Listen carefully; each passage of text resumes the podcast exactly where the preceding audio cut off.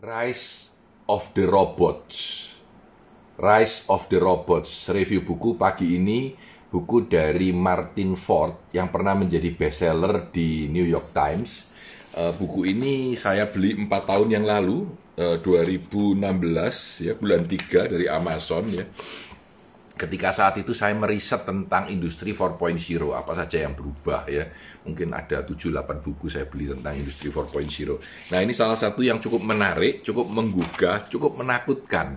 Kemarin saya baca lagi uh, ketika diserang flu, saya istirahat sambil baca-baca, menarik juga. Jadi saya malam jadi membaca banyak sekali. Saya beri tanda-tanda yang saya akan share pagi ini uh, kepada teman-teman sekalian introductionnya lucu banget. Ini dulu saya pakai di beberapa seminar, ceritanya lucu. Jadi dia bilang gini ya, di tahun 60-an, Nobel laureate ekonomis Milton Friedman ya itu mengkonsult uh, dengan sebuah government of Asian nation ya.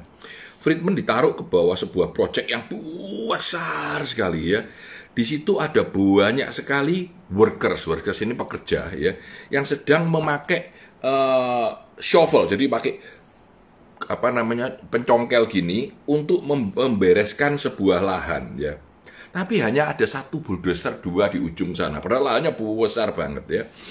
Lalu Milton Friedman tanya ya, kenapa kok pakai uh, tangan orang men men menyungkil tanah itu ya, apa pakai se sekop gitu ya untuk membersihkan. Dia bilang gini ya, katanya uh, pemimpin dari government program ini dia ketawa dan bilang, ini namanya job program. Jadi kita kasih job kepada rakyat kita supaya rakyat kita punya job untuk me me me bekerja tiap hari. Tentu ini sangat bagus dan mereka dengan bangga bilang bahwa ini meng menghasilkan pekerjaan buat sekian puluh ribu orang untuk sekian lama. Dengan bangga dia begitu bilang.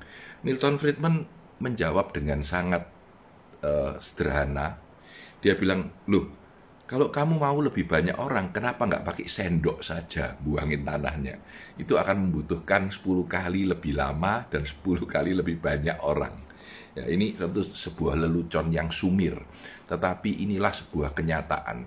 Kalau Anda mengatakan bahwa buat apa pakai teknologi, kan ini bisa memakaikan tenaga orang. Ini membuat kita menjadi memikirkan kembali bahwa kemajuan itu sebetulnya dipakai untuk merubah dunia ini menjadi lebih baik. Ya jadi bukannya justru kita tidak mau pakai teknologi itu dengan alasan supaya orang dapat pekerjaan gitu. Ini menarik ya lelucon yang menarik. Jadi dia bilang so then why not give them the why not give the workers spoon instead of shovel? Dia bilang daripada dikasih uh, ya apa namanya shovel lebih baik dikasih sendok aja buat bersih buat mindahin kotoran-kotoran. Nah teman-teman sekalian, zaman yang sudah berubah dengan sangat drastis.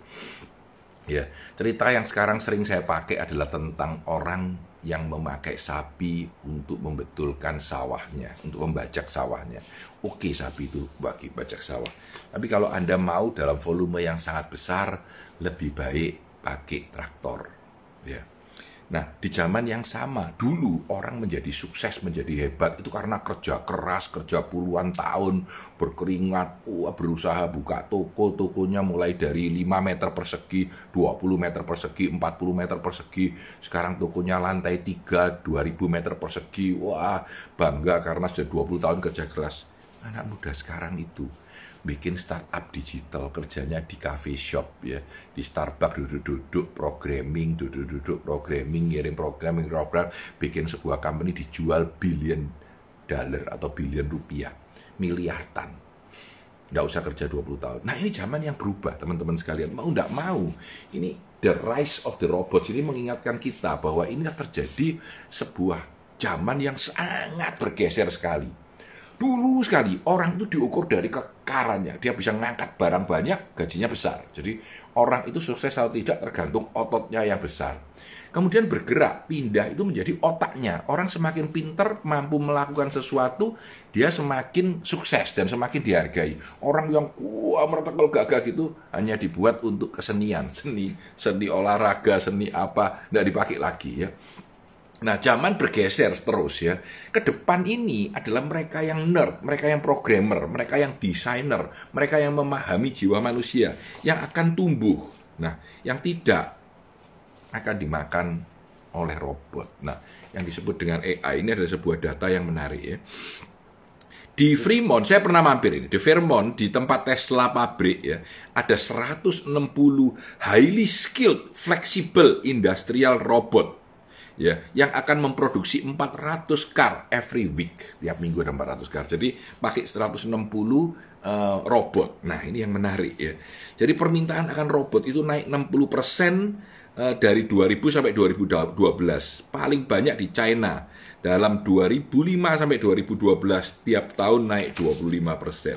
Kebutuhan akan robot yang bukan sekedar mesin begini terus ya, tapi dia punya kecerdasan, maksudnya dikasih program tentu ya, untuk merapikan sesuatu itu terjadi explosion di dunia ini ya, uh, di dalam pekerjaan-pekerjaan dari white collar orang-orang yang ber apa orang-orang white collar itu adalah orang-orang pekerja yang bukan hanya sekedar blue collar yang mengandalkan kekuatan ya.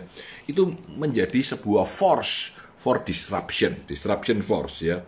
Jadi inilah yang terjadi di dalam Anda bisa membayangkan nggak tentang pekerja-pekerja yang sekarang uh, pekerjaannya akan hilang. Contoh yang paling gampang adalah mobil dengan uh, apa driverless car. Mobil itu sudah punya sopir lagi. Dan kalau tidak ada sopir akan terjadi perubahan yang sangat signifikan dalam dunia kehidupan kita ya, terutama di Amerika. Di Amerika itu kan orang nyetir sendiri ya, sopir banyak ya dan taksi. Nah, berubah semua. Jadi lain kali taksi itu otonomus jalan sendiri ya. Bahkan saya kemarin uh, waktu mengajar OKR itu saya masih ingat ada namanya namanya saya lupa ya Sume Set UME itu adalah pizza company ya yang memakai mobil. Mobil itu jalan sendiri karena bisa drive, nantinya driverless car sekarang belum ya diantar ke sebuah tempat. Lalu anda order pakai handphone pizza yang mau apa begitu anda order oke okay, ya dalam 15 menit keluar dari dalam sana satu boxnya cekluk gitu ya. Dan anda nggak usah bayar karena sudah bayar pakai PayPal ataupun pakai lainnya ya. Tapi anda sudah langsung keluar. Nah itu sudah tidak pakai orang di dalam mobil besar itu ya. Jadi mobil itu adalah pabrik pizza yang jalan dengan sendirinya. Nah ini menarik ya menarik Artinya lain kali aku punya 100 armada mobil, saya bilang go, nggak usah supir, nggak usah apa, jalan sendiri. Pulang sendiri, nanti dibuka kapnya, mesinnya mengisi sendiri. Sehingga jumlah karyawan yang dibutuhkan sangat minimal, sangat minimal. Saya lupa di mana kemarin baca. Sebuah perusahaan yang asalnya, nah ini ini ini, ini ya, di Parkdale Plant itu dulunya 2000 factory worker, 2000. Ketika dibuka ulang, cuma sisa 140 orang. Bayangkan, 2000 itu jadi 140 orang. Jadi kebutuhan akan manusia sangat rendah sekali. Bahkan ada sebuah studi di Oxford yang sangat menakutkan. Katanya 50% dari white collar workers, dari workers di Amerika itu akan hilang musnah karena adanya automation dalam waktu 10 sampai 15 tahun ke depan. Gila nggak? Lalu bagaimana ya? Jadi ini ini ini sangat bahaya ya. Nah, disruption ini sangat tinggi di mana semua orang akan berubah, cara hidup akan berubah ya. Sekarang pun sudah ada robot pembersih, jadi maaf nggak perlu pembantu ditaruh mesinnya bisa bersihin sendiri ya. Inilah yang terjadi dengan kehidupan kita. Nah, uh, yang menakutkan lagi, ini, ini ceritanya saya dapat dari sini. Ini sering saya pakai di seminar ya. Jadi ini, jadi tentang penilaian essay orang. Jadi pada tahun 2012, 8 tahun lalu ya, dilakukan riset di University of Akron College of Education di mana dibuat orang ya 16.000 16.000 pre-graded student essay dari public school di United States itu dimasukkan. Yang menilai essay-nya bagus atau tidak itu mesin, bukan lagi manusia. Jadi essay lo ini essay lo karangan lo ya dalam ketikan ya. Jadi file word-nya diminta dilepok no gitu sudah keluar essaymu bagus apa tidak Nah, yang menarik, yang menarik, saya lihat datanya dulu ya. Saya dulu masih ingat ini. Jadi yang menarik, ternyata nilainya itu 95% sama dengan nilai yang ada di nilai orang. Dan ada 5% yang agak beda. Dan ketika yang beda itu diperiksa, yang penilaiannya lebih baik itu adalah mesin, bukan manusia. Keren ya, gila menurut saya.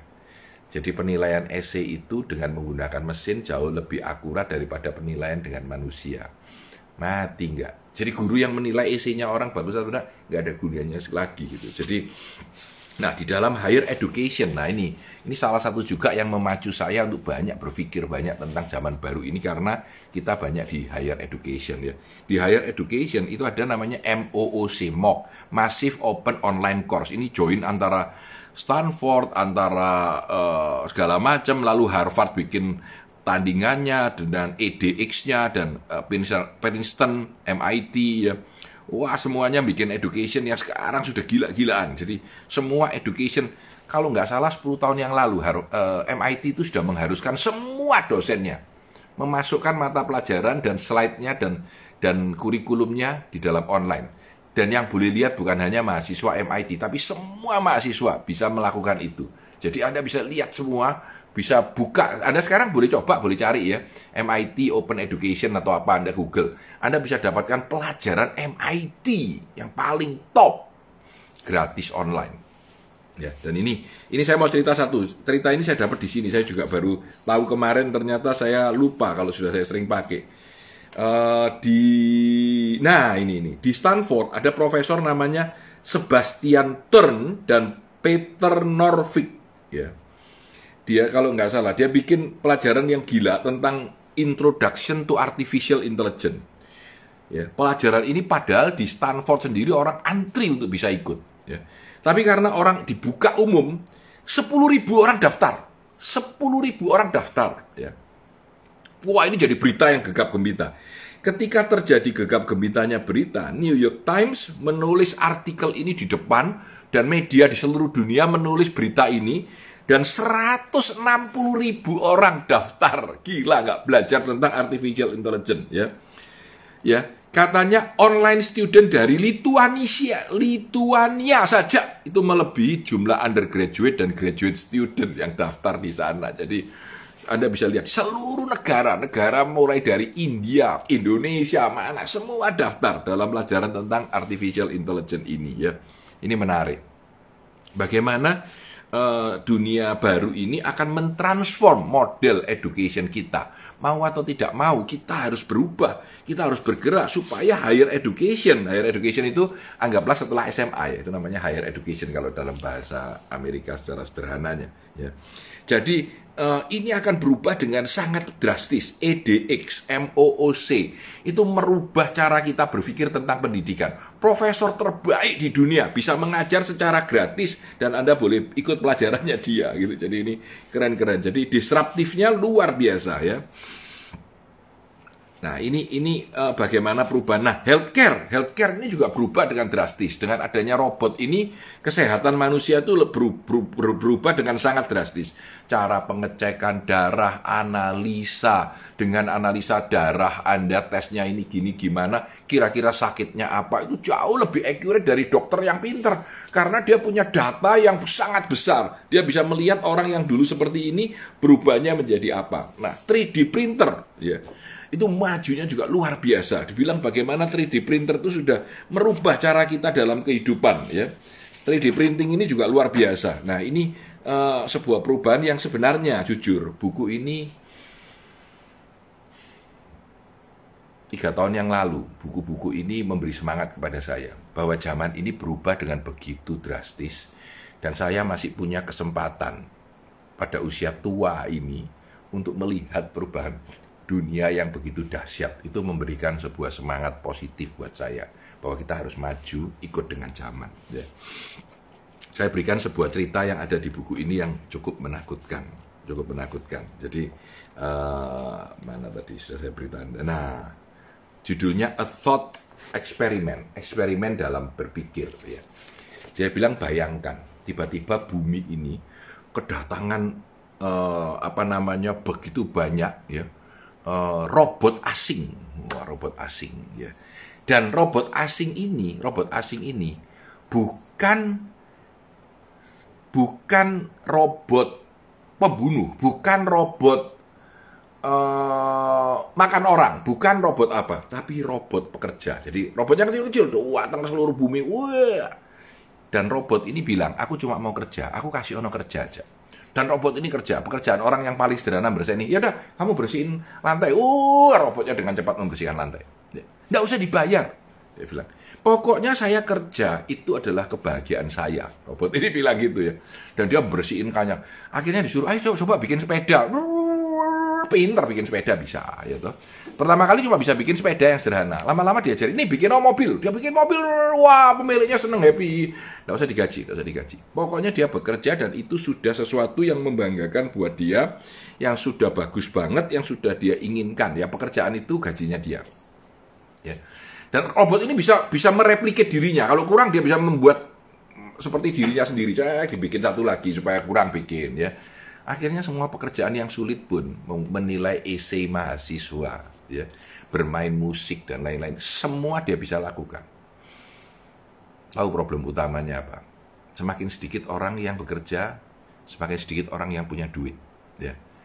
Jadi robot ini mengambil alih semua pekerjaan yang ada di bumi ini dengan harga yang sangat miring, bahkan tidak dibayar, tidak apa-apa. Apa yang dilakukan manusia? Ya, ini menarik. Menurut teorinya, manusia akan bangkrut. Karena nggak ada, nggak ada kerjaan, nggak ada duit gitu. Ya. Dulu, dulu, katanya, ini cerita mundur sedikit ya, Henry Ford, Henry Ford pada tahun 1914 ya, itu gaji karyawan itu cuma dua setengah dolar per hari pada saat itu sudah besar sekali ya zaman itu ya sama dia didobel semua gaji karyawan. Henry Ford ini 1914 gaji karyawan double dua. Nah, kenapa dia mendobel gaji karyawan? Selain menaikkan kesejahteraan karyawan, dia bilang supaya karyawanku bisa beli mobil. Kalau gajinya cuma dua setengah dia tidak bisa beli mobil. Nah, Begitu kita menghasilkan kerja, karyawan kita dapat uang, dia dapat menjadi konsumen terhadap produk-produk yang ditawarkan oleh kita ataupun oleh orang lain. Dan itu akan membuat sebuah cycle di mana ekonomi ini jalan.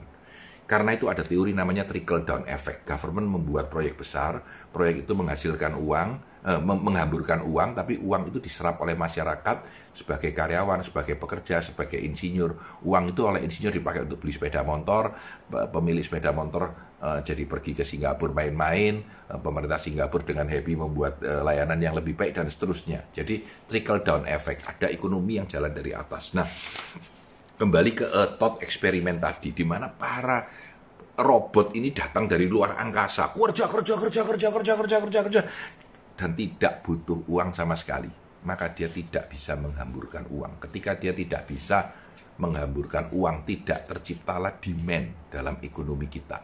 Dan itu akan membawa dampak yang sangat luar biasa jeleknya. Oke. Kalau tadi saya bilang ada 50% akan hilang pekerjaan di Amerika menurut prediksi Oxford.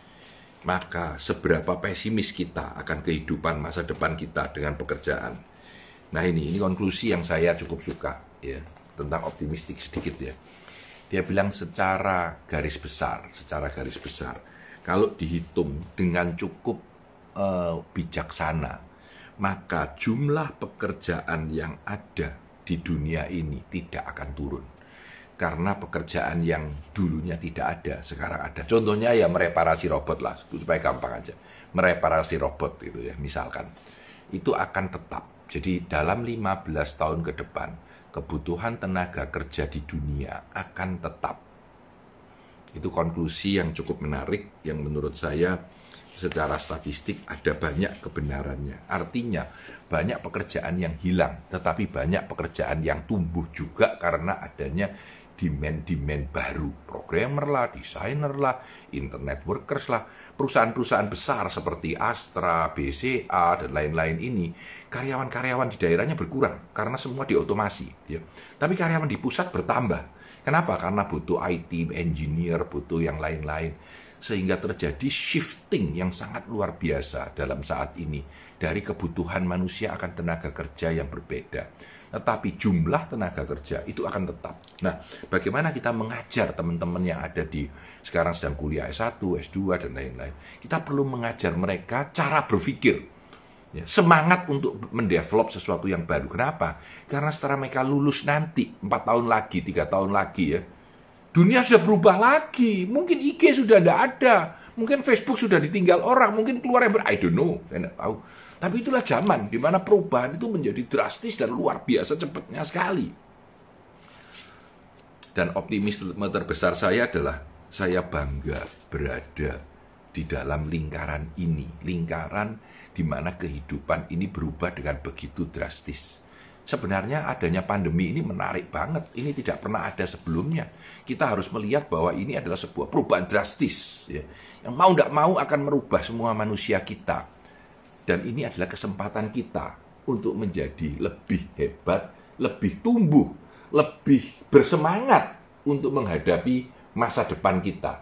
Rise of the Robots, buku 4 tahun lalu yang cukup menarik dan menggugah ya, yang mengatakan bagaimana perubahan dunia akan terus-menerus menjadi lebih hebat, lebih sulit, lebih unik, lebih banyak robotnya dan ilmu-ilmu manusia harus bergeser juga berubah. Karena apa? Karena pekerjaan yang biasanya kita kerjakan perlahan-lahan dimakan oleh robot-robot itu. ATM itu robot gitu. Ya menggantikan uang, menggantikan bank. Ya ATM itu robot gitu ya. Uh, Coursera itu menggantikan saya gitu ya. Tapi tidak apa-apa. Ini zaman kan berubah semua. Ya saya harus berubah menjadi sesuatu yang lebih baik, yang memberikan value kepada orang lain gitu ya. Mau tidak mau kita semua harus belajar menghasilkan value buat pekerjaan apa pun yang kita lakukan. Saya Tanah di Santoso, selamat weekend. Ini hari Sabtu uh, tanggal 17 Oktober 17 Oktober 2020 uh, saya sedang flu pada Sabtu pagi jam 6.15 ini. Semoga acara ini berguna buat teman-teman sekalian. Coba dikasih komen di bawah kalau misalkan teman-teman mendengarkan sampai ujung sini ya. Apa yang akan terjadi di masa depan? Apa yang akan terjadi di masa depan? Mana yang akan berubah? Dan apa tindakan yang perlu kita lakukan ya? Kalau ada yang mendengarkan uh, talk ini sampai sini dan ini berubah menjadi IGTV cobalah kalau ada waktu tulis apa yang akan berubah. Ya saya Tanah di Santoso sukses selalu untuk Anda. Terima kasih telah mendengarkan semuanya